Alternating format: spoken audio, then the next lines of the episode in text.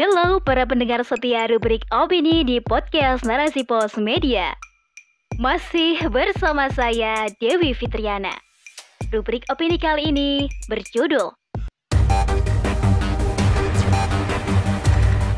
Fantastisnya anggaran pemilu membuat hati rakyat kian pilu oleh Rufaidah Aslami. Anggaran biaya penyelenggaraan pemilu 2024 diperkirakan mencapai 110,4 triliun. Masing-masing dialokasikan untuk Bawaslu senilai 33,8 triliun dan KPU senilai 76,6 triliun.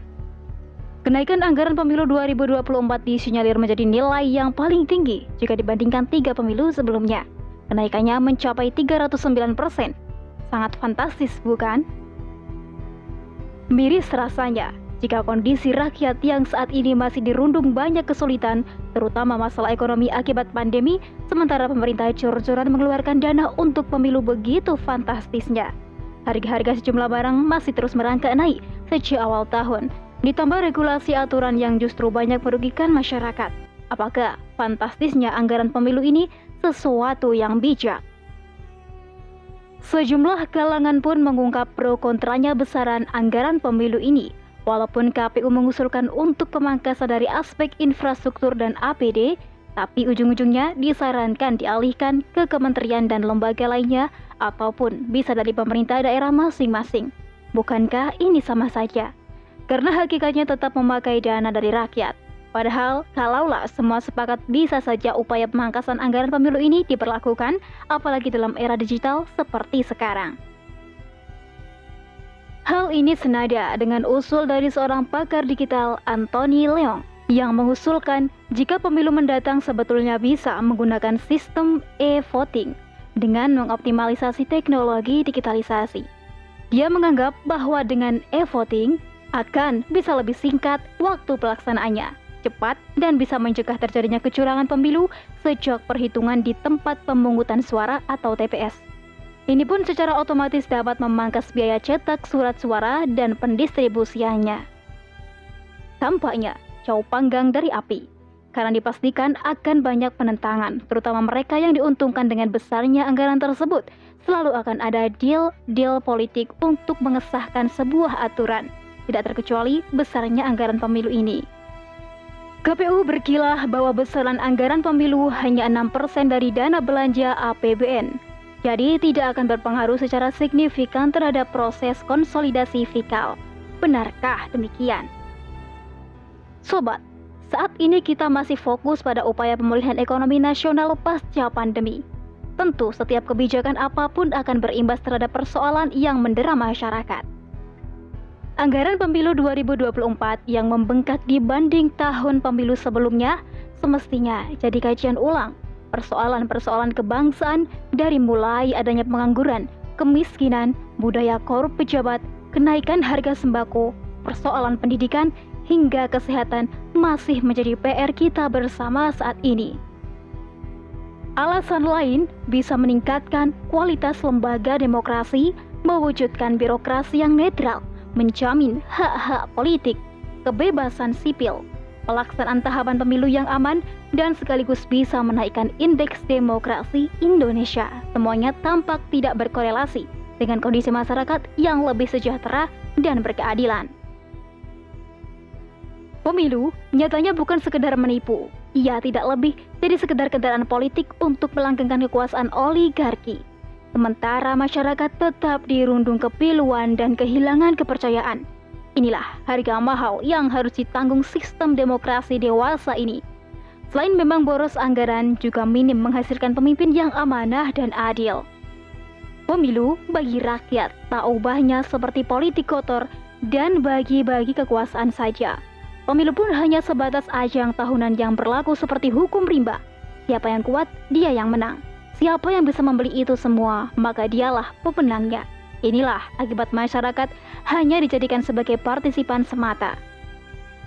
Masyarakat sebetulnya sudah mulai muak dengan semua itu. Partisipasi masyarakat dari tahun ke tahun justru mengalami penurunan.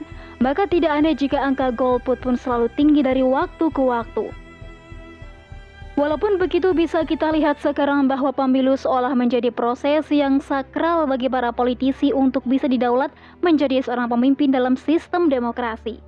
Sebagian mereka ada yang sudah merasakan manisnya sukses di pemilihan sebelumnya.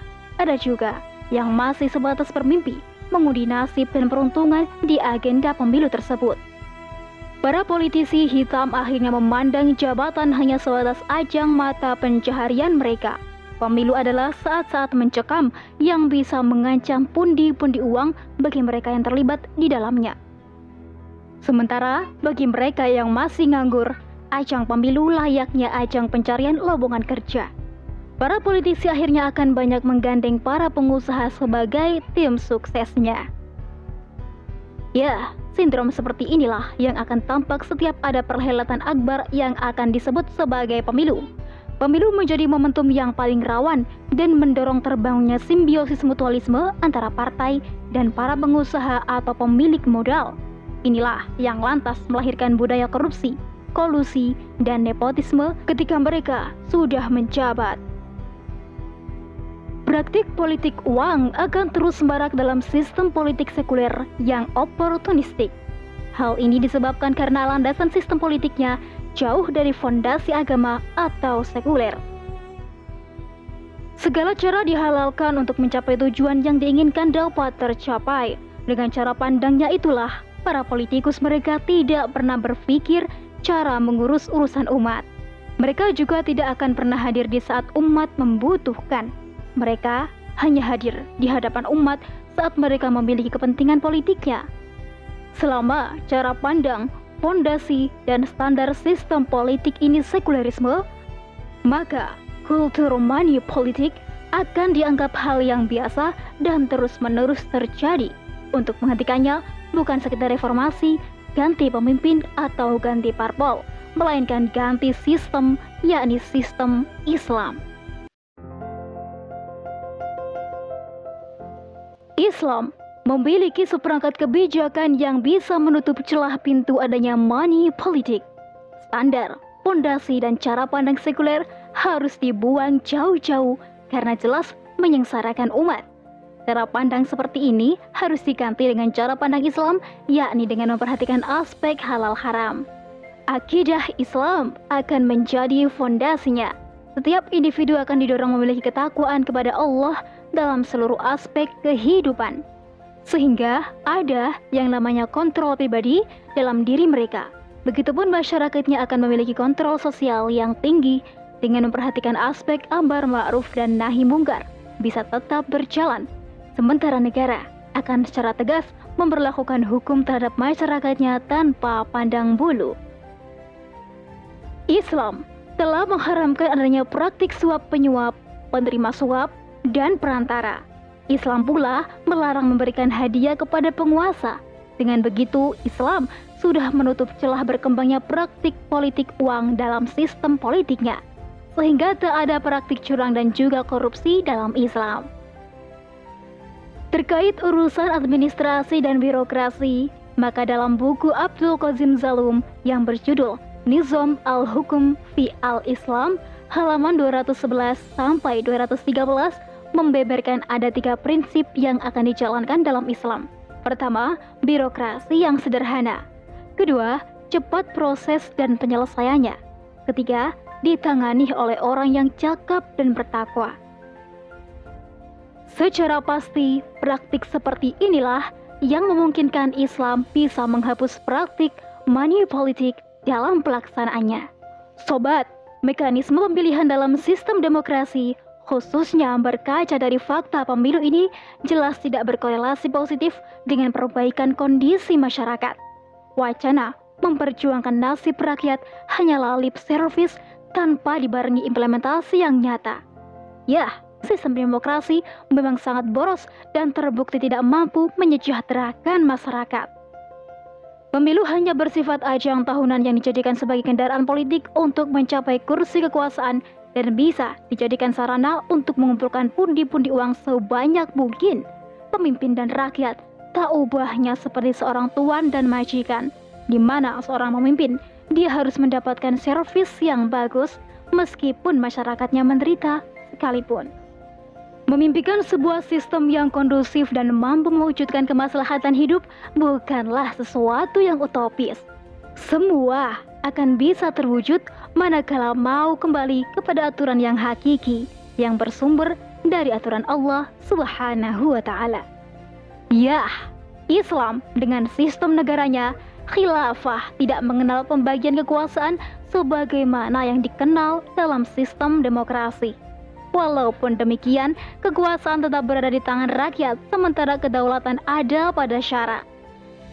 Meskipun seorang khalifah dibaiat oleh rakyatnya, namun rakyat bukan majikan bagi khalifah. Dan khalifah juga bukan buruh rakyat. Akad antara penguasa dan rakyat bukanlah akad ijarah, melainkan akad untuk memerintah rakyat dengan hukum Allah. Selama khalifah tidak melakukan penyimpangan, maka tidak boleh diperhentikan. Tapi sebaliknya, jika melakukan sebuah penyimpangan, maka akan diperhentikan oleh mahkamah mazolim, bukan oleh rakyat. Pemilu dalam Islam tidak dijadikan sebagai metode baku dalam mengangkat pemimpin, hanya sekedar uslub saja. Sementara metode bakunya adalah bayat.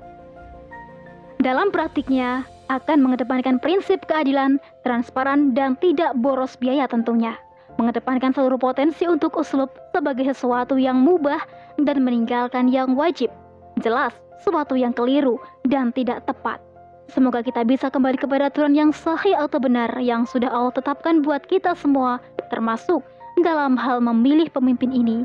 Dan secara nyata sudah dipraktikkan selama 13 abad lamanya tanpa melakukan pemborosan biaya dan tidak menjadikan rakyat pilu karenanya. Itulah sistem Islam. Wallahu alam bisawab.